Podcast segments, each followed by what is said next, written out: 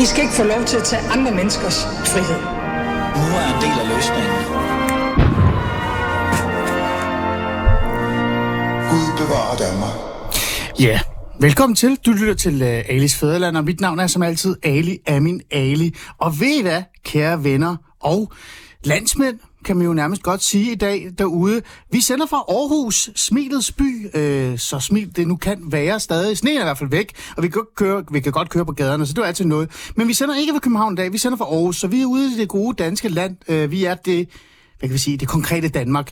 Men jeg har jo to timer, skønne timer foran jer, eller jeg synes i hvert fald, de foran øh, to, to timer er rigtig gode, hvor vi skal tale om øh, fire forskellige emner. Men lad os starte med første emne, første time. Den øh, er lidt speciel, fordi den handler om mandens rolle. Lad os bare kom med den. Mandens rolle i den vestlige samfund har ændret sig så drastisk de seneste år. Nogle vil endda sige, at mandens rolle, eller bare sådan mandens rolle, har ændret sig så meget, at mange mænd ikke føler, de har en plads eller et formål. I første time af Fæderlandet vil jeg forsøge at teste den her tese i skæl- selskab med forfatter og historiker Christian Egander Skov, og jeg vil øh, tage afsæt i et interview i Zetland, hvor han har udtrykt, at mandens rolle og formål er måske blevet en smule lad os sige, svær at fastslå. Vi tager en snak om manderollen, om udfordringerne og om den nyfeministiske og diverse, øh, mangfoldige, kan vi sige, strukturelle samfund, vi mænd nu må acceptere at være en del af. Som sagt, mit navn er Elia du lytter til Fæderlandet, og vi sender sgu dele med for Aarhus den her gang.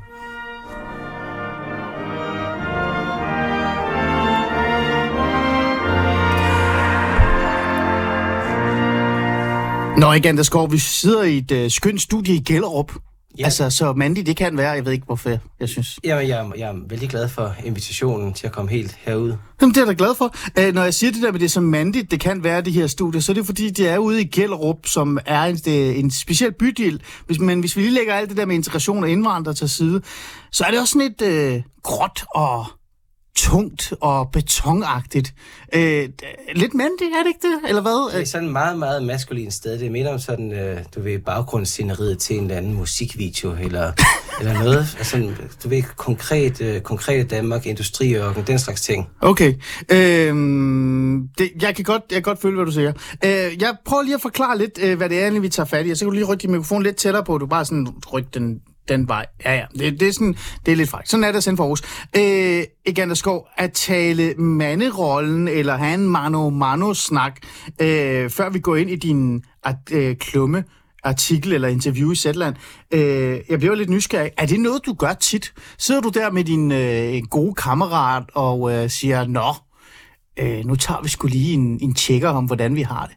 Nej, det er i den grad ikke noget, jeg gør tit, og det er der måske noget symptomatisk i, altså fordi at det ligger ikke som en del af vores manderolle, at det er noget, vi gør, og jeg vil sige, at jeg i særdeleshed ikke gør det. Jeg er sådan en, jeg kan bedst lide at tale om ting, det vil sige noget uden for mig selv, det vil sige noget med altså de ting, jeg beskæftiger mig med, historie, øh, politik, samfundsforfald, de sidste tider, og den slags ukontroversielle og, og nemme emner. Det andet der, ej, det forsøger jeg faktisk at holde på en armslængdes afstand, især hvis det har med mig selv at gøre. Altså, det, det kan jeg, kan godt, jeg kan godt lide, at du siger sådan på en eller anden måde, øh, Egander, nu kender jeg dig jo lidt på, privat også, det må jeg jo gerne alle kende. Jeg kalder mig selv som, altså jeg kalder mig selv uh, Wish-versionen, det der lidt billigere version af dig, på den borgerlige fløj, mig og dig, så vi kender jo godt hinanden. Men, men det er jo sjovt, det du siger sådan, at du synes, de store samfundsproblemer, det, altså du, du ligger nærmest op til også at sige, at Gaza-konflikten er nemmere at debattere og snakke om, end dine egne følelser, fordi du er mand.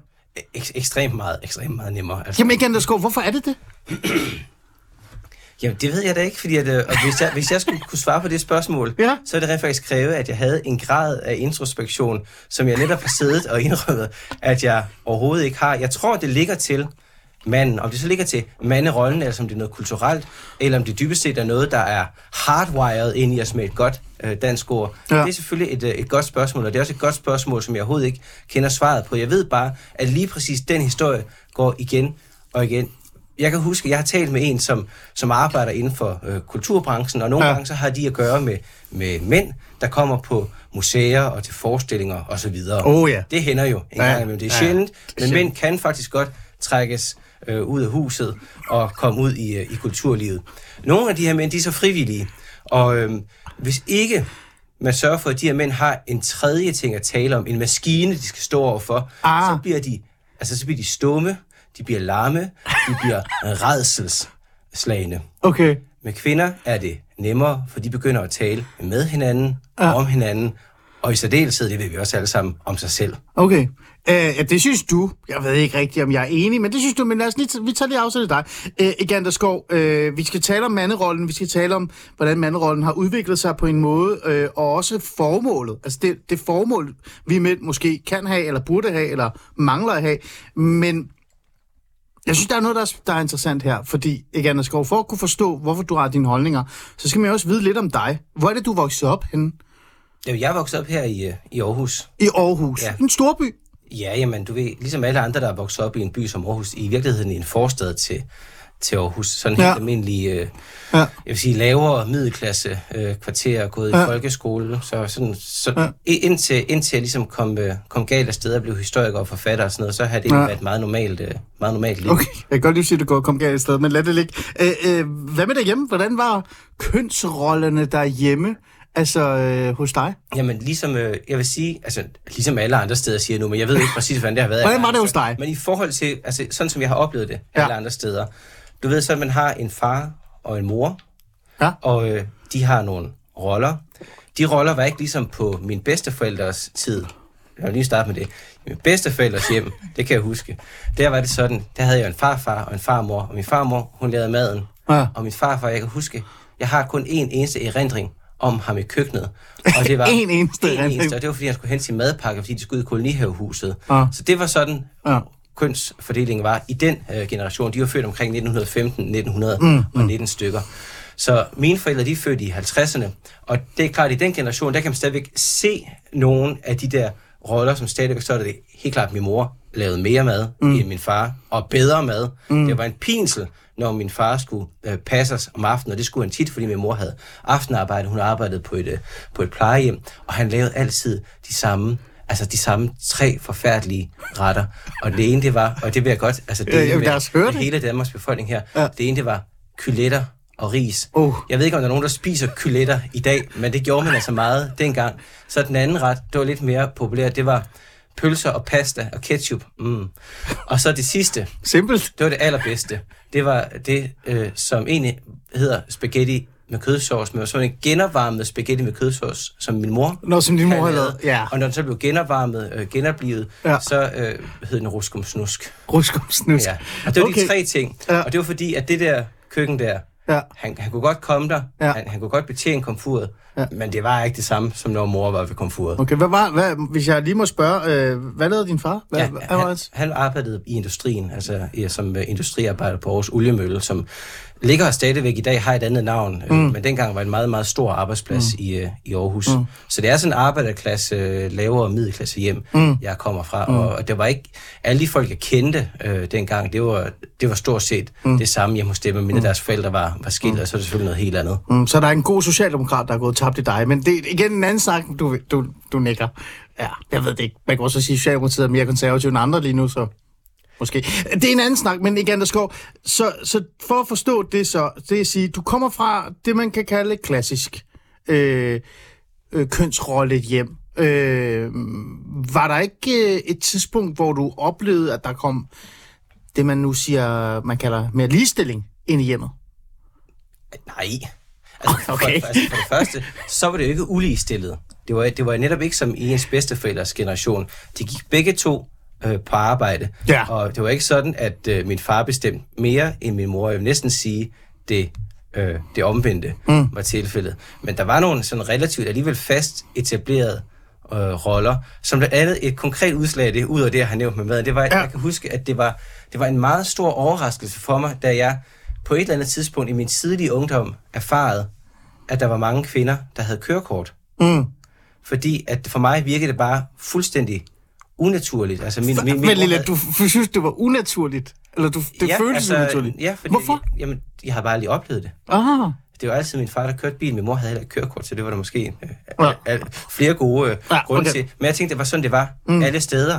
Men mm. det viste sig, at det ikke var sådan, det var alle steder. Så i den forstand var det jo meget traditionelt og, og meget statisk. Men jeg tror bare, nogle gange, når vi taler om de her ting, så bilder vi os selv ind, at vores forældregeneration, dem der var født i 50'erne eller 60'erne, eller hvornår de nu er født, alt efter hvor gammel man er, at deres kønsroller var meget traditionelle, og det var de for så vidt ikke. Det var jo ligestillet, men så med øh, sige, nogle, øh, nogle øh, nuancer, som man meget, meget klart så, når man voksede øh, mm. op i det, og, og bagefter så måske også fordi man kom galt af steder, kom på universitetet, blev konfronteret med folk fra andre samfundslag, hvor øh, udviklingen havde været en, øh, en anden. Okay, okay. Jeg, jeg tror mange af de der ting, og det gælder også, når vi taler om manderollen i det hele taget. Ja. Altså så er der en manderolle, som hører arbejderklassen og den lavere middelklasse til, mm. og så er der en, øh, en, sådan en, øh, en radikal refleksion over den der manderolle, mm. som hører den højere middelklasse til. Og det er den, der i den grad sætter dagsordenen for vores debat om alle de her ting, fordi mm. at de almindelige mennesker, mm. de slukker for radioen, når vi taler om det her. Mm. Og det kommer vi uh, til senere, og derfor så er der heller ikke nogen, der slukker for radioen lige nu. Det kan de gøre bagefter, hvis det er. Så, uh, så det, det stopper vi lige med at tale om nu. Uh, godt, så er det på plads. Uh, altså, man siger jo, at uh, i virkeligheden, at verden ikke skal deltage så meget, men folk vil jo gerne vide lidt mere om mig også, har jeg fundet ud af. Jeg skrev den her... Uh, klumme, eller ikke klumme, jeg blev interviewet i Euroman, øh, og der var egentlig det første spørgsmål fra intervieweren, også før vi kom ind på alt det, det var også lidt, hvad var dit eget hjem? Og mit hjem, øh, altså min opvækst, ikke? og det mindede også lidt om dit, kan man jo sige. Øh, det var måske lidt mere, øh, hvad kan vi sige, æreskodex-agtigt. Altså, der var nogle, noget æresbegreber, der var i spil, fordi jeg øh, har to forældre fra Iran, øh, og der, det er en anden form for dannelse, en anden øh, form for forståelse af, hvordan øh, kønsrollerne er. Øh, men det mindede meget om det, du siger. Altså, øh, altså det, det var et chok for mig, hvis jeg så min far være ude i køkkenet. Altså, og hvis han var der, så var han der meget kort tid. Ikke? Øh, det var min mor, der lavede mad, øh, og så videre, så videre. Men de var begge to på arbejdsmarkedet. Og de delte sig også om, om, om ting i ny og næ. Altså, hvis mor skulle have lidt hjælp til indkøb eller til vask tøj og sådan noget, så var det ikke, fordi min far han nægtede.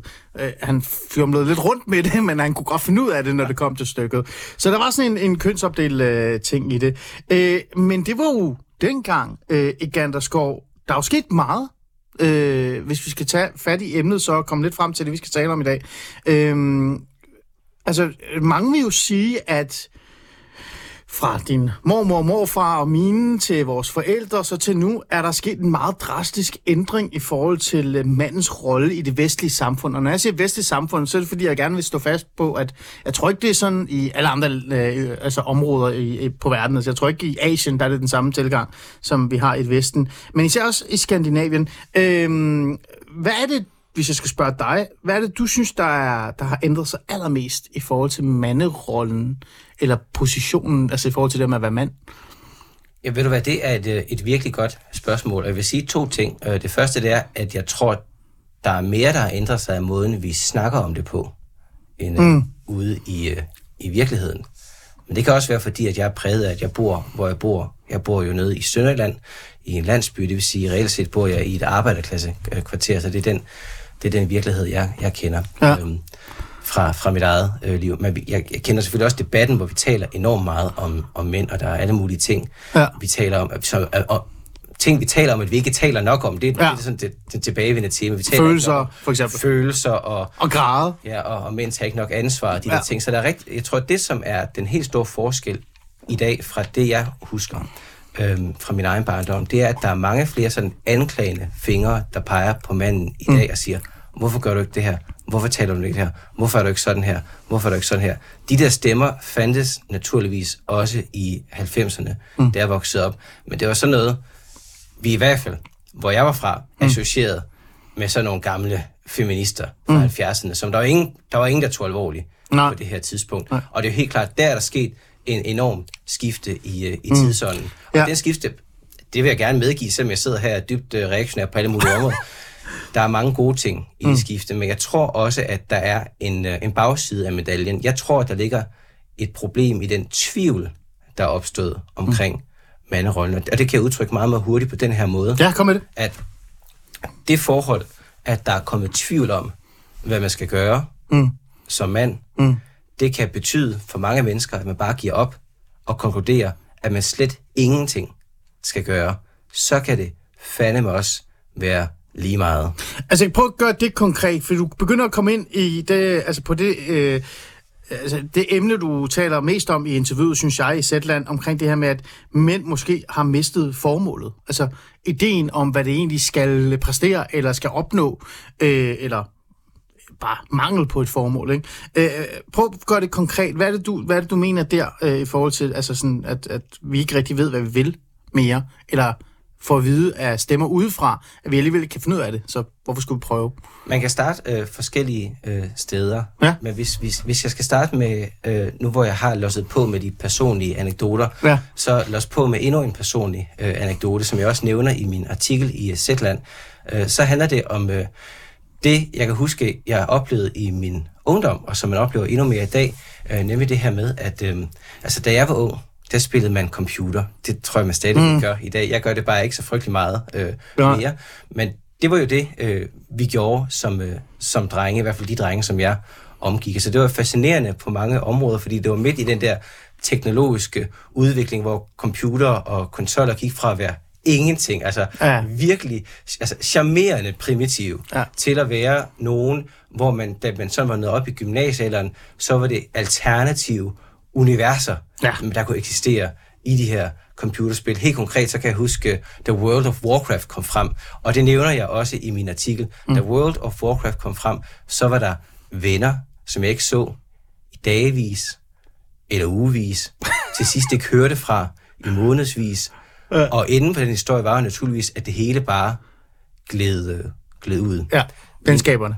Nemlig. Ja. Ja. Øhm, min pointe her er ikke, at det i sig selv er dårligt at spille computer. Nej. Men på pointe er mere her, at jeg tror, når jeg tænker tilbage på det, og når jeg også ser på nogle af de tendenser, som sådan præger ungdom i dag, og virkelig mm. også folk på min egen alder, så er det mere det her med, at der i det her med at gå ind i den her fantasiverden, mm. en verden, hvor man ikke øh, bruger fantasien til at til at øh, fortrylle den verden, man i øvrigt lever i, men bruger det som et slags refugium, jamen der ligger en, en flugt fra Mm. de krav, Ja. som udspringer Ja. af den virkelighed, man i øvrigt mm. lever i. Og det er jo konkret, en konkret situation. Altså som ung mand mm. befinder du dig i en virkelighed, hvor samfundet, toneangivende Ja. øh, stemmer, står og peger på dig og siger, hvorfor taler du ikke om dine følelser? Hvorfor rydder du ikke mere op? Mm. Hvorfor gør du ikke sådan her? Hvorfor gør du ikke sådan her? Og så reagerer mange unge mænd på den måde, at de trækker sig ind i sig selv, eller ind i det, som jeg polemisk i min artikel kalder for opiumshulen. Mm. Og som i nogle tilfælde jo kan være en konkret opiumshule, men som er i bedste fald så at det her, man hengiver sig til den fantasiverden, som computerspillene er. En verden, der så at sige er vægtløs, og hvor der ikke er andre krav end de fast definerede krav, mm. som spillet sætter. Mm. Øh, det er jo interessant, den her øh, refleksion, du har i forhold til, at, at det er mangel på formålene, som så sidste ende, eller det er i hvert fald øh, kritikken, eller sproget, øh, osv., osv., øh, fokus på mandens rolle, eller mangel af den måde, man skal være på, der gør, at man så på en eller anden måde flygter, og så mister man formålet, og så går man ind i, i en computerverden. Øh, bare lige for at sætte det i kontekst i forhold til andre ting, altså sådan, eller andre øh, måder, man kan gøre det på. Øh, træning er også blevet en stor ting, især i øh, for eksempel i USA, øh, øh, eller også bare generelt i den vestlige verden. Der er flere og flere øh, mænd, øh, men også kvinder, men flere og flere mænd, der, der styrketræner der altså, forsvinder ind i sådan en træningsmiljø, øh, miljø, eller bare fokus på dem selv, øh, fordi de føler, at de ikke kan magte verden, de føler sig svigtet. Øh, de, der er også mange mænd, der føler, at øh, kvinder ikke vil dem, øh, altså at de er forkerte, de passer igen, eller bliver svigtet, og så videre, og så videre. Øh, og så begynder de at træne, så det, det, det, der, er, der er noget om det. Det er ikke kun gaming, det er bare lige for at sætte ord på det, det. det er helt klart ikke kun, øh, kun gaming, øh, og det var, det var egentlig bare et, øh, et, Ja, et absolut. af anslag i min mm. artikel, mm. og selvom jeg ved, at folk har forstået det øh, på forskellige på forskellige vis. Jamen, så ved man, jeg, jeg, jeg tror, det, det er meget rigtigt det der med, altså, når man skal opsummere det, så er det det der udtryk, at det handler om Netflix og mm. træning. Det er de to ting, som det moderne menneske, så at sige, ja. trækker sig ind i, når det ikke kan forholde sig til mm. Det forhold at være fordret Men- men, krav. Men igen, der skov, øh, nu gør du det meget konkret, og du bruger også dine egne oplevelser og erfaringer, men hvis man skal være sådan lidt mere... Øh, øh, altså sådan lidt mere, øh, hvad kan vi sige, sådan op i fly, øh, helikopterperspektiv, det er det, jeg lidt efter. Øh, kan man så ikke sige, at, øh, at det generelle formål øh, øh, for manden, øh, altså måske er stadig til stede. Altså det der med at være forsørger, eller have en øh, sådan en, der forsvarer, eller beskytter familien, eller og så videre. Den stadig er der, øh, men den bare er blevet sådan lidt mere... Øh, altså der er bare sådan en, en mission, der handler om at gøre den lidt mere blød og lidt mere forstående. Altså sådan, fordi jeg har det sådan, øh, de krav, der kommer til manden omkring det der med, at man gerne må vise lidt følelser og være lidt mere åben og være lidt mere øh, tolerant osv. osv. Øh, det er jo også sundt for alle mennesker at være det. Det er jo ikke sundt øh, for mænd især at bare sidde tilbage og ikke vil dele deres oplevelser eller deres... Øh, kan sige, der, de deler tit vores succeser, det kan vi godt lide at tale om, ikke? men når vi fejler, eller når vi øh, bliver, ja, altså når vi mister, øh, og så videre, så det taler vi jo ikke om. Er det ikke fint nok, at man på en eller anden måde siger, at kære ven, det bliver du nødt til at forholde dig til? Og så er det, altså, så er det latterligt, at bare fordi vi presser dig til at fortælle, hvordan du har det, så står du og siger, om så har jeg ikke noget formål med livet, og så sidder jeg og spiller Playstation. Altså, kan du forstå, hvad jeg mener? Det er, Jeg- jeg- jeg kan- det, er, det er i hvert fald at være svag, ikke? Jeg kan sagtens øh, forstå, hvad du mener. Der er, der er to ting i det. For det første, så synes jeg, at det er naturligvis og helt indlysende rigtigt. Det er både rigtigt, at øh, manderollen ændrer sig, og øh, jeg har også svært ved at se, at det i sig selv skulle være negativt, at det ændrer sig i den retning, som du skitserer. Mm. Men der er jo også en, øh, der er et form for hyggeleri i det. Ikke? Altså, det er klart, vi er villige til at acceptere Tobias Rahimes følelsesliv, mm. fordi han i forvejen er tre meter høj og succesfuld og har en kæmpe stor billedbog. ikke? Altså, men hvis den almindelige Nå, han er mand temmelig nøgen. sætter... det, Ja. det, jeg har ikke set uh, billedbogen, men jeg har bare okay. hørt, at, uh, at den er kolossal. Ja. Men hvad hedder det? Hvis den almindelige mand sætter sig ned og begynder at tude mm. og dele sine følelser sådan på mor og få, så vil han alligevel blive konfronteret med, at det skal han ikke, fordi der er ikke nogen, der i virkeligheden gider at mm. høre på. Altså, der er, der er en enorm stor hyggeleri i forhold til det, vi siger, vi gerne vil have, mm. og det, man så vil have. Mm. Og jeg tror, min pointe i forhold til, til det her med, med rollen, mm. det er, at øhm, det er godt at have rollen som et udgangspunkt, også den, den såkaldte traditionelle manderolle. Og jeg synes altid, det er svært at skitsere sådan noget. Man kan godt sådan købe ind på, at det har noget at gøre med det der med, at man sætter en stolthed i at være forsørger. Ikke nødvendigvis ene forsørger, men i hvert fald en forsørgende del mm. af sin familie. At man bidrager, at man tager ansvar. Ja. Øm, At man beskytter. at Det er der man- jo mange, der at, anser at, som- At man, øh, at, man, at man beskytter, at man er den, der forsøger at bevare det kølige overblik Ja. og, og slå koldt vand i blodet. Alle de der ting, det er også positive ting. Og jeg tror, det er fint at have det som et udgangspunkt. Jeg tror faktisk, det er helt nødvendigt at have den her rolle som et udgangspunkt. Fordi så kan man så, når man indgår i den der komplicerede, konkrete virkelighed, som man indgår i, så kan man så forhandle den. Men så kommer problemet jo så. Mm. Hvis det er sådan, at vi lever i et samfund, hvor manderollen i det hele taget er til debat, måske endda så meget, mm. at vi forsømmer at give det her, øh, den her struktur, den her rolle, den her matrix videre til vores børn, så står de jo med ingenting. Mm. Så står de med maskulinitet som biologisk faktum, som ikke er sat ind i en rolle, ikke er sat ind i en Ah. struktur. Og så er det, at vi har problemet, og så er det, at vi har den situation, hvor at i bedste fald trækker det her menneske sig ind i sig selv. Ja. Det kan også ske alle mulige andre. I værste fald bliver det voldeligt og voldeligt, ja, lige præcis. vred, lige præcis, kan man sige, fordi ikke? det, det biologiske faktum har brug for at blive sat i en rolle mm. og sat i en form. Men i dag er vi i det hele taget bange for alle roller, mm. alle former. Øhm, ikke Anders Gaard, jeg kan ikke lade være med at sådan tænke lidt, at du slår lidt på hele feminist, øh, den nye feministiske bevægelse. Der er også noget Vogue-kritik af alle de ting. Du siger det ikke, men det, det findes. Øh, og faktisk, hvis man skal være lidt fræk, også hele den der øh, sådan lidt mere radikale, jeg kalder det sådan lidt, øh, hvad sådan, talende elite, øh, der sidder og drikker deres, øh, nu skal jeg ikke sige det, men jeg får at vide, at jeg, får at, vide, at jeg ikke må sige det igen, men det, de drikker, drikker det der naturvin, ikke? og sidder de hygger sig omkring det. Øh, men kan der ikke også bare være noget strukturelt, nu kommer det farlige ord, øh, men også øh, sådan lidt, øh, hvad kan jeg sige, udviklingsmæssigt i forhold til, det, hvordan samfundet har udviklet sig til at, at være, som rammer mænd og drenge. Øh, lad mig sætte ord på, hvad jeg egentlig mener. Det, jeg mener, det er, at vores folkeskole øh, er jo meget præget af at være rigtig god skriftligt til noget. Altså bogligt.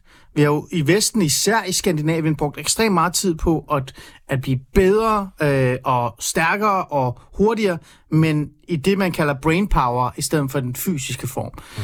Det har jo også ramt rigtig mange drenge. Der er en kæmpestor gruppe af drenge, som altså kommer ud analfabeter. Øh, der er flere og flere drenge, der falder fra i uddannelser i, og så videre, og så videre. Kan der ikke også have noget at gøre med, at vi måske i den vestlige øh, verden, især i Danmark også, har besluttet os for, at vi vil hellere øh, sådan, bruge vores hjerner og bruge noget, som er svært at, hånd, altså sådan, at, at have i hænderne. Øh, og det har også ramt rigtig mange af os øh, mænd. Altså, vi ved ikke rigtig, hvad vi skal bruges til længere, fordi de arbejdspladser og de ting, de findes ikke. Det tror jeg, der er noget delvist rigtigt i. Altså det her med, at vi har nedvurderet håndens arbejde til fordel for åndens arbejde, og det vi overhovedet opererer med den uh, modsætning, som jeg jo ikke mener er en, uh, altså en falsk uh, mod, Ja, men enig, men den er der. modsætning. Det øh, betyder naturligvis noget, og det er klart, det er noget andet at være mand i et samfund, hvor det normale er, at du går ud af skolen i 7. klasse, og så skal ud og bruge din, dine hænder til Ja. enten manuel fabriksarbejde, eller øh, måske noget, noget mere kompliceret håndværker øh, mæssigt, og så et samfund som i dag, hvor vores væsentligste mål for succes, det er at få et, øh, en lang videregående uddannelse Præcis. og kunne tale i de rette koder. Der er naturligvis noget der. Når jeg alligevel er skeptisk ved dele af den forklaring, eller når jeg i hvert fald synes, at den øh, blænder af for noget af virkeligheden, så er det fordi, hvis vi ser på vores folkeskole og på vores gymnasium, så er de jo ikke som sådan blevet mere boglige, end de var tidligere. Mm. Det er sådan noget, som øh, man nogle gange påstår. Men Ah. altså, det faglige niveau i gymnasiet og i folkeskolen er jo ikke højere i dag, Nej. end det var for 30 40 år siden. Se de prøver, de skulle læse, se de bøger, man forventede, at folk kunne læse Ja. i gymnasiet i gamle dage. Det kan man ikke forvente, Nej. at de, øh, de gør i dag. Så den her udvikling, hvor pigerne i uddannelsessystemet har overhældet drengene, den er også sket samtidig med, at Mm. det boglige niveau faktisk er faldet. Og derfor så må der, selvom vi anerkender, at det spiller en rolle, så må der også være noget andet på spil. Og noget af det, igen, nu falder jeg tilbage på anekdoterne, og det er jo fordi, jeg er jo ikke, jeg er ikke sådan en klog kønsforsker, jeg er bare en, øh, jeg er bare en eller anden form for... Det er heller ikke for, meningen. For mand, eller jeg har, jeg, har, jeg har børn selv, der går i skole, og, og noget af det, jeg bare kan konstatere, det er, at det, man øh, nogle gange oplever, det er, at drenge har ikke opdragelse med hjemmefra. Du kan faktisk lære drenge at sidde stille mm. og lytte. Det kan være, at de har vanskeligere ved det end piger, mm. men så gør det bare op, det gaven så meget, desto større for forældrene. Og som forældre, så har du en pligt mm. til at sætte dine drengebørn i den her position, hvor de kan sætte ned og lytte. Mm. Selvfølgelig er der undtagelser, så der er, der er diagnoser, man kan have Ja. osv., videre. Men, Men det, generelt- det, det helt ja. generelle billede er, Ja. at det kan du faktisk godt, og det er faktisk en pligt.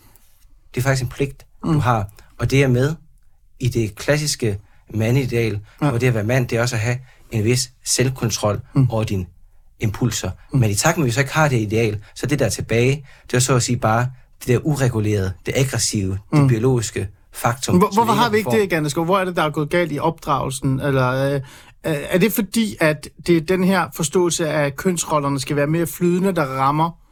Du, du nikker? Ja, jamen det er det, det, det, det, vil, det vil være min umiddelbare tese, at det Ah. er der på spil. Altså, Ja. ja. når der er tvivl om kønsrollens eller manderollens værdi, mm. så er der også klart, at så er der mindre ræson i at give den videre mm. til dine børn. Og du bliver selv mere tvivlende i forhold til, hvad du skal gøre som far mm. i forhold til dine børn. Dit eget kort over, hvad der er rigtigt og forkert, bliver så at sige forplumret. Mm. Og du ved ikke, om du har nogle arv, Okay. du kan give videre. Okay. Naturligvis, naturligvis Ja. forplanter det sig. Ja. Okay, interessant. Øh, vi skal lige runde den her af, for vi skal også nå øh, øh, min, øh, hvad kan vi sige, min refleksion ind, ind i samtalen, før vi går videre til noget om, om noget, noget jord i Randers. Det bliver vi nødt til at tale om mig og dig. Øh, jeg ved godt, det har ikke noget med mandrollen at gøre, men det bliver vi nødt til. Øh, du siger det her med i, øh, i Zetland-interviewet, øh, at formål er ekstremt vigtigt. Hvis man så skal sige, hvis man skal bringe formålet tilbage i Ganderskov, hvad er det for et formål, den moderne vestlige mand i 2023, eller 24 er det jo så, øh, burde have, som så gør, at, at øh, der kommer lidt balance i, i, i livet igen? For de her, især for de her mænd, der øh, trækker sig tilbage og er vrede og ikke kan forstå øh, deres plads i samfundet. Det er svært at sige kort, men hvis man skal sige det rigtig kort, og derfor også ikke specielt fyldskørende, så tror jeg, at nøgleordet, det man skal have frem, det er ansvarsbegrebet. Altså, du har ansvar, Men ansvar for hvad? ansvar for dig selv, mm. og for de folk, der er omkring dig. Mm. Og hvordan du løfter det, det afhænger af den konkrete situation. Men hvis det er din målestok, så kan det ikke gå helt galt. Mm. Okay. Og, og, men det lyder jo, jeg vil ikke sige, det lyder nemt, men det lyder da overkommeligt. Ja, men det er jo egentlig også overkommeligt, hvis du har det med Mm. hjemmefra. Mm. Så kommer problemerne så, at du kan fejle i dit ansvar, mm. og så slår du dig selv i hovedet med en hammer bagefter. Mm. Men det er jo så en del af, af livet. Der er ikke nogen garantier for, at det går godt, bare fordi du har det rigtige manuskript med. Men i det mindste ved du, hvad du skal sige, når den røde lampe øh, blinker. Okay, okay.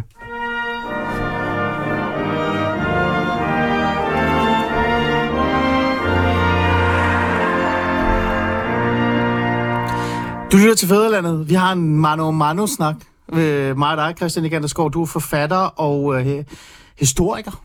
Øh, du har skrevet, eller du er blevet interviewet i Zetland omkring det at være mand, og du har sagt, at en af de største problemer, der er, det er, at mand, manden har mistet et formål, kan man sige. Det har vi øh, reflekteret lidt over sammen. Øh, jeg synes faktisk, det har været meget godt. Der har været nogle konkrete eksempler på det, øh, og det synes jeg bare, man skal sætte sig ned og lytte til igen og igen og igen, hvis man vil det.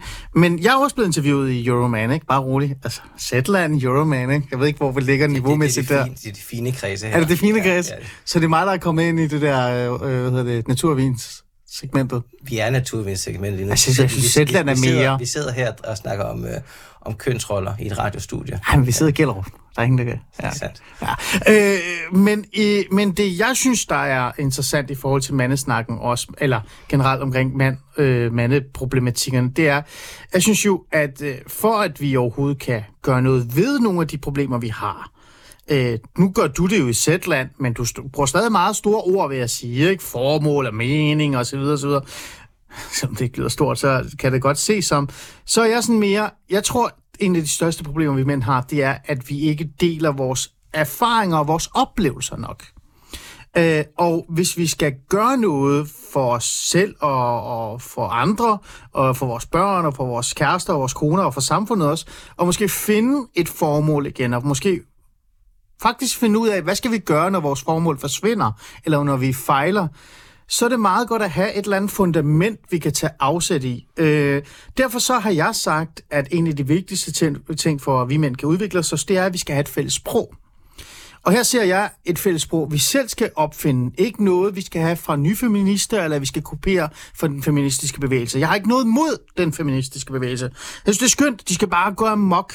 Men vi skal finde et sprog, hvor vi selv kan på en eller anden måde øh, være med til sådan at, at forstå hinanden på. Det lyder mærkeligt, men det er meget simpelt i virkeligheden. Øh, det, jeg gerne øh, vil med det, det er at sige, for at kunne gøre det, så skal vi, som så jeg sagde, det er vores oplevelser. Øh, Egander Skov, det der med, at kvinder har det nemt ved at tale om følelser og holdninger.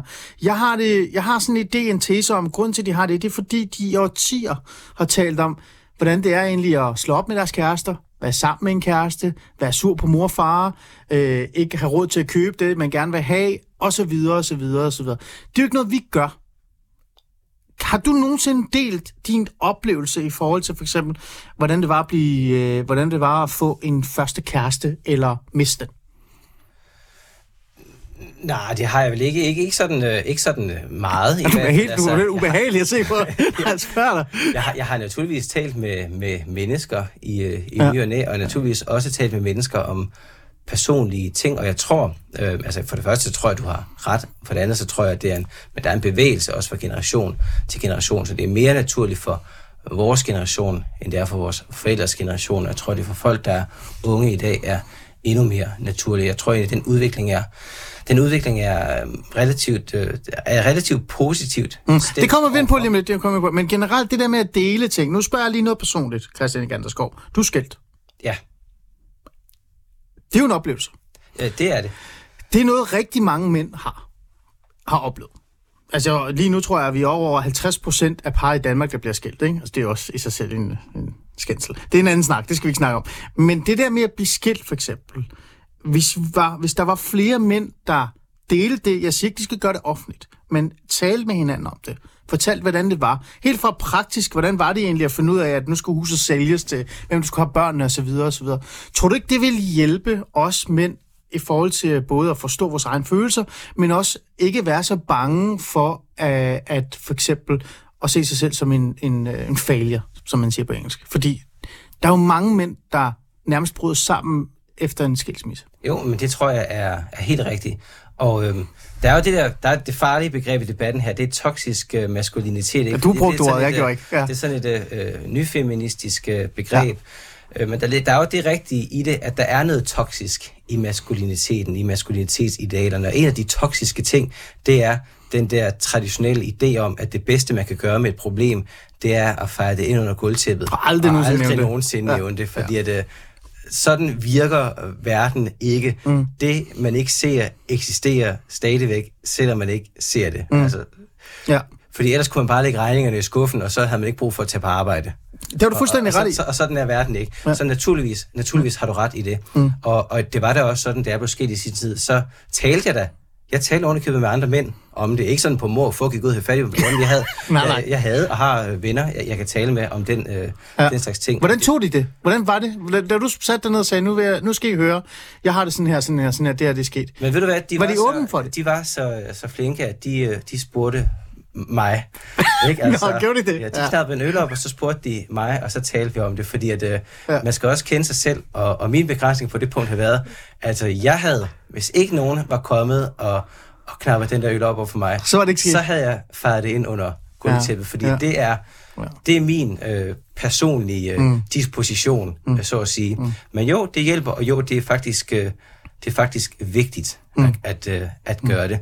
Jeg tror, der hvor jeg så alligevel synes, der bliver noget irriterende over det, Ja. det er, når man så vil gøre det offentlige rum til sådan et, øh, altså sådan et, et offentligt skriftelokale, hvor man skal dele sine oplevelser og aftabuisere det her, aftabuisere det her. Altså, du kan ikke åbne en netavis, og det er uanset om det er politikken eller berlinske, før der er en eller anden, det er så typisk en kvinde, der skal aftabuisere en eller anden ting, som er blevet aftabuiseret 30 30 gange. Men- mindst. og, men- og, og, og, den form for Den irriterer dig. offentlig Prøv, bekendtgørelse, det- den det kan irriterer- godt- irriterer mig det- helt vildt, fordi ja. der er sådan en form for... Ja. Altså, Men Egan Skov, kan det ikke være fordi, at det er svært? Og fordi det er ting, som vi mænd ikke på en eller anden måde har skulle forholde os til, eller altid har faret under bordet, derfor synes vi, det er forkert. Fordi jeg, når jeg taler om, at vi skal finde et opfindende, eller vi skal lave et nyt sprog, så, øh, så sagde du noget interessant. Du sagde, Ali, det her det kan godt blive bedre med generationer. Det er du fuldstændig ret i, og der er et sprog for det nu. Men det er sådan et elitært, øh, veluddannet sprog, som mange ikke altså gennemsnitlige mænd ikke kan være med på. Det er den her Tobias Rahim, nu begynder vi at græde, og nu skal vi være ærlige omkring vores følelser og vores tanker og sådan nogle ting. Men, men, og den er svær, den er der stadig. Men det jeg gerne vil, det er, at, at hvis vi begyndte, også i det offentlige rum, at sige, prøv at høre, jeg havde et dårligt forhold til min far. Det var forfærdeligt. Men jeg overlevede. Jeg øh, gik fra min kone. Hun var meget utro. Øh, jeg min kone døde, altså og så videre og så videre. Hvis man delte de her oplevelser, jeg blev fyret, jeg følte mig utilstrækkelig, jeg var impotent. Altså når man, hvis man deler de her oplevelser, deler de her historier fra sin eget perspektiv, tror du så ikke, det, at der er mange mænd, eller mange unge mænd, også de vrede, irriterede, frustrerede mænd, som føler, at de er de eneste derude, som ingen vil have, at de så kan spejle sig i de her historier og sige, Nå ja, Egander Skov har også været igennem en skilsmisse. Ali Amin Ali, som sidder på tv, har også stået i en situation, hvor han nærmest har følt, at det hele var ligegyldigt. Så kan jeg også være i det. Tror du ikke, det kan hjælpe og på en eller anden måde skabe et fundament, og så senere et almindeligt sprog for os mænd, som ikke er elitært, hvor vi faktisk så kan ende med at tale om følelser? Det kan, man godt, øh, det kan man godt forestille sig. Men jeg tror, min pointe er, at det også meget hurtigt kan så også lige øh, give bagslag. Mm, Øh, hvordan? Bagslag hedder det på, på godt dansk. Ja. Altså forstået på den måde, at øh, der kan netop være i det her sprog, og den her bestræbelse, og i den offentlige samtale, der kan der være en, øh, en stil og et ønske om at trænge ind i folks inderste sjæl, som får folk til at bakke tilbage. Mm. Altså, som får en til at skrige, bliv mig fra livet. Fordi vi er mange mennesker, måske især mange mænd, ja. og det synes jeg faktisk er et godt træk, som gerne vil opretholde et skæld mm. mellem det personlige og det offentlige. Mm. Så samtidig med at jeg anerkender det der, mm. så tror jeg også, man skal passe på, mm. at det ikke sådan bliver en en-to-en øh, overførelse mm. af øh, dame, øh, damebladsmåden at tale om de her ting på. Det skal det heller ikke være, og øh, nu gør jeg det lidt kort, for vi skal også videre, vi, vi skal også nå vores Randers øh, ting. Øhm, men det jeg prøver at sige, det er, jeg synes jo ikke, at alle mænd... Lige nu er der jo sådan en eller anden form for krav om, at alle mænd skal græde. Alle mænd skal vise deres følelser. Alle mænd skal øh, gå ind for ligestilling derhjemme, og det gør vi jo nærmest også alle sammen alligevel. Men der er sådan en form for krav, at vi skal gøre det, ikke? Øh, jeg vil jo ikke have, at det krav skal være på alle. Det, jeg siger, det er, hvis nogen mænd, dem der føler sig, altså er klar til det og har lyst til det, deler deres simple oplevelser, og ikke på sådan en moraliserende måde og den prædikende måde, men bare reelt ud ud og siger, jeg oplevede en skilsmisse, jeg overlevede. Det skal sgu nok gå. Så er der flere mænd derude, der ligesom damebladet i mandebladet kan læse om de her oplevelser, og så finde en fælles reference, som gør, at de tænker, okay, det er måske naturligt at dele mine følelser med mine venner. Det er naturligt, når jeg kommer hjem efter at have oplevet noget voldsomt i et parforhold, at jeg ikke bare sidder og snakker om, hvordan det gik med Liverpool. At jeg faktisk også siger, hey gutter i øvrigt, fuck, min kone er syg i hovedet. Nå, skal vi ikke lige... Hvorfor?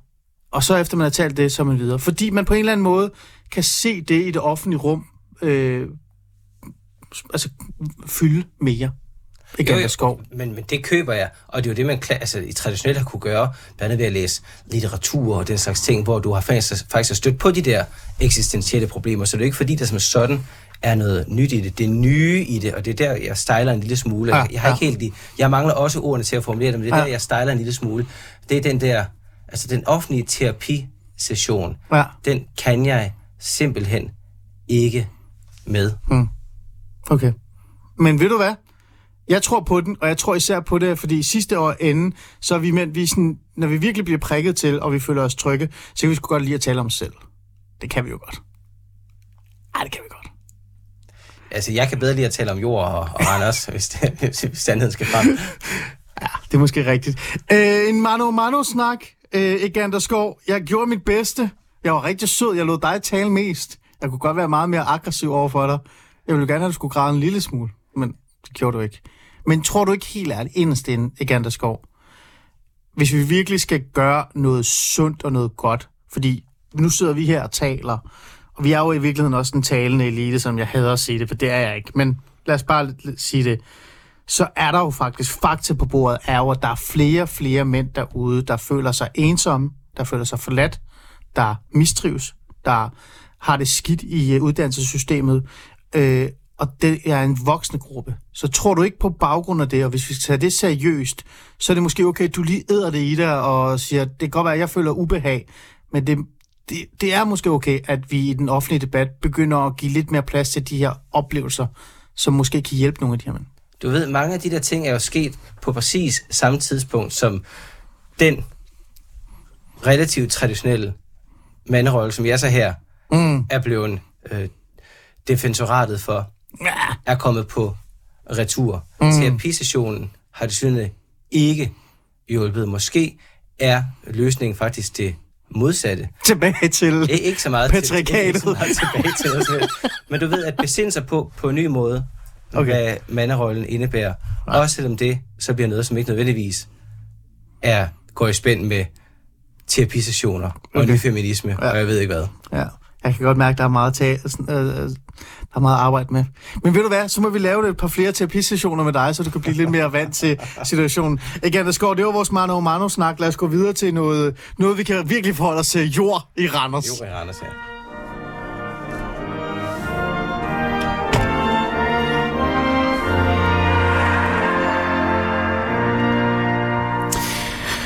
Du øh, lytter til Fæderlandet, og øh, jeg er i gang med at få styr på hele det her øh, situation i forhold til, hvad hedder det nu? Altså sådan øh, mano-mano-snakken, ikke? Men, men sagen er faktisk, at vi skal tale om noget, øh, noget helt andet, og jeg prøver lige at få styr på øh, det her, fordi vi skal tale om øh, noget jord i Randers i virkeligheden.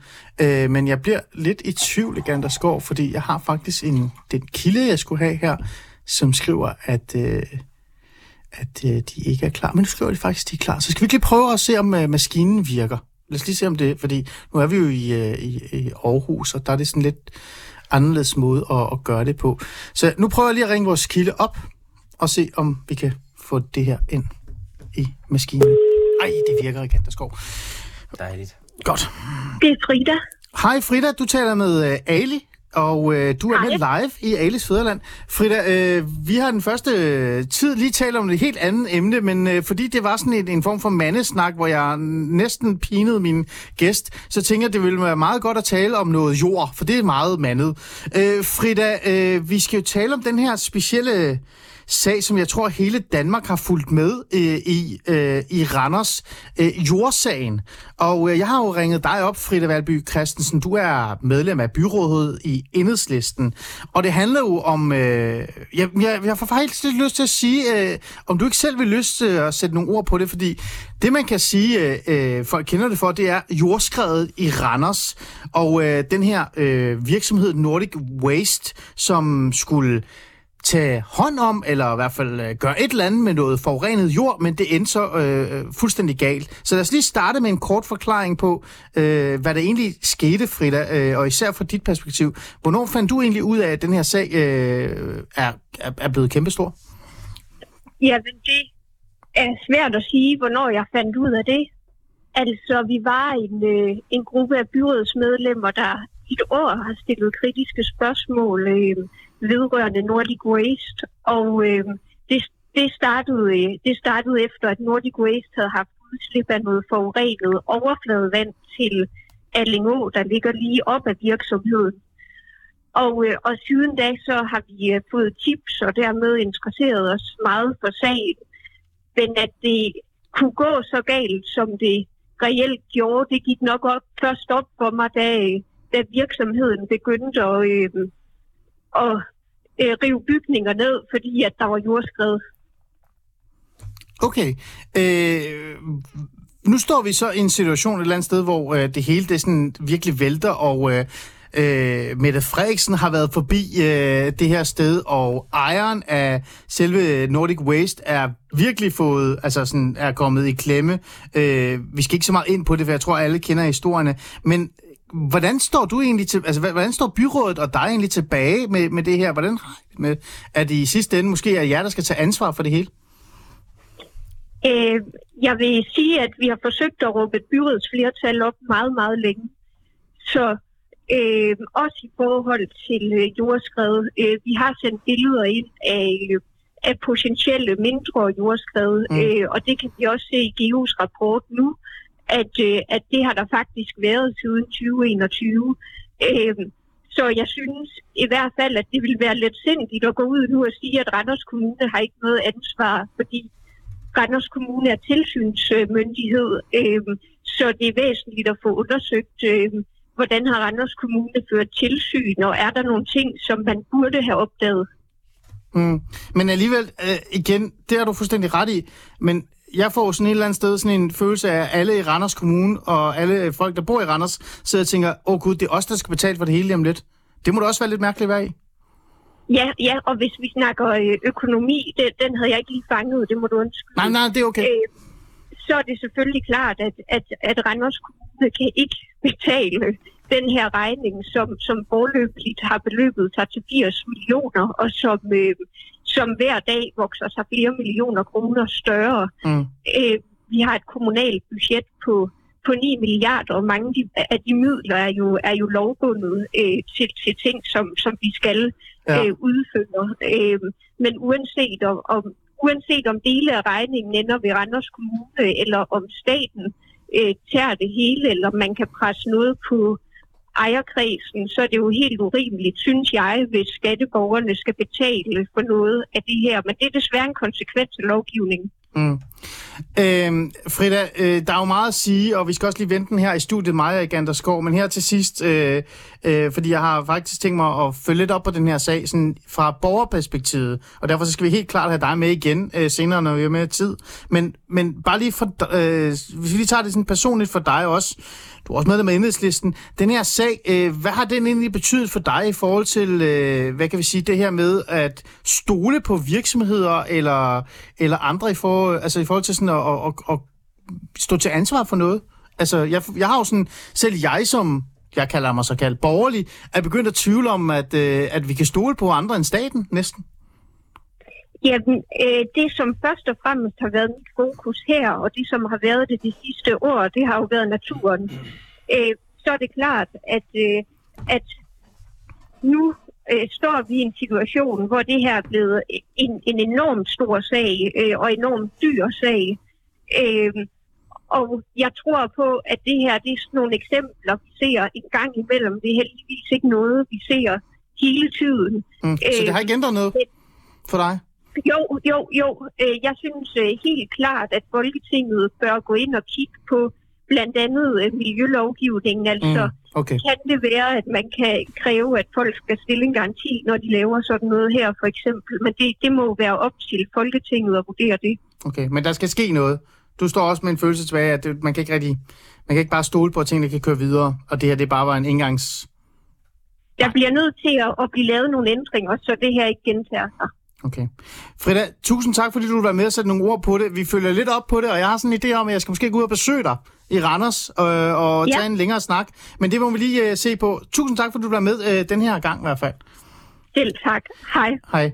Øhm, der, er, altså, der er virkelig meget at sige om det her, ikke? Enormt meget. Altså, multimilliardær Torben Østegård Nielsen, øh, godt for million milliarder af penge, miljøkatastrofe, katastrofe, jordskred, øh, Egander Skov. Vi har ikke så meget minutter, men det er også meget simpelt, for det jeg gerne vil tale med dig om, det er, vi kender jo godt sagen, vi har hørt om den rigtig lang tid. Er det her sådan noget, der gør, at vi i sidste ende altid ender med, os danskere, at stemme Socialdemokratiet, fordi vi ikke stoler på den her liberale, borgerlige tilgang omkring, at virksomheder nok skal stå til ansvar for deres gerninger? At staten sidste ende er de eneste, der kan redde os? Det vil jeg ikke sige, fordi at... Øh, Men du er tæt på. nej, øh, det, kommer, det kommer lidt an på, hvordan øh, liberale politikere øh, stort set kommer til at reagere øh, på det her. Men Ja. jeg har set mange borgerlige politikere sådan helt generelt mm. med ud faktisk være meget kritiske Ja. over for Nordic Waste. Det- og, det, og det kan jeg godt forstå, fordi der er, ikke, der, kan er, være der er ikke nogen venner af det økonomiske system, Nej. sådan som vi har skruet det sammen, og sådan Nej. som vi i sidste ende forsvarer det som borgerlige, som kan acceptere en situation, hvor, som man siger, at profitten er privat, mens prisen, mm. den så bliver offentlig. Ja. Det kan simpelthen ikke lade sig gøre. Så det skal der naturligvis kigges på. Mm. Hvordan kan man undgå at stå i en lignende situation mm. i fremtiden? Men der er, hele erhvervsorganisationsnetværket er jo helt stille. Altså, så vidt jeg ved, så er Dansk Erhverv og Dansk Industri, alt det, der er ikke meget, de har at sige. Dansk Industri har været ude og tage afstand fra nogle af de ting, som ja. har fundet sted. Så taget i betragtning af, mm. hvor penibel en situation det mm. naturligvis er, også fordi der er nogle mm. principielle ting mm.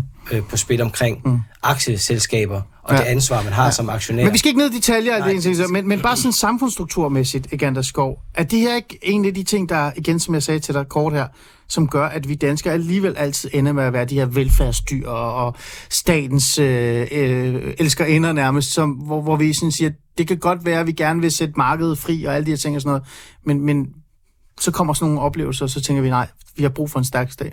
Vi har brug for en stærk stat, og det har ikke noget med Socialdemokratiet at gøre. Lov og ansvar er ikke begreber, der er forbeholdt Socialdemokratiet. Det burde være borgerlige mm. kernebegreber. Ja. Og det kan godt være, at Torben Østergaard Nielsen ikke kan sættes til ansvar øh, juridisk set, men nu taler vi om det her med vanderoller. Ja. Ja. hævdet det der med ansvar, Ja, hallo. det grundlæggende begreb. Og der har vi i hvert fald en rollemodel, som i den grad bare altså, stikker af fra det hele, ja. laver en anden snollet klimafond. Altså, det er Ja. dybt utilstedeligt, og øh, jeg håber, han bliver skoset. Skosiden da. Ja. Okay. Vi har ikke meget til års til, for den her mand, Torben Østergaard Nielsen. Det vil jeg gerne høre i studiet. Ikke Anders Skov, en fornøjelse at have dig med. Se, du fik tale om jord til sidst. Er det ikke Jeg godt? fik talt om jord, det gjorde mig tryg. Det, ja. Jord og maskiner. Ja, vi skal nok gøre det udtryk igen. Til jer lytter, tusind tak, fordi I lyttede med første time af Fæderlandet. Om lidt er der nyheder, og så er vi tilbage med nogle helt andre emner. Og så må vi se, om jeg kan få Egander Skov til at græde næste gang.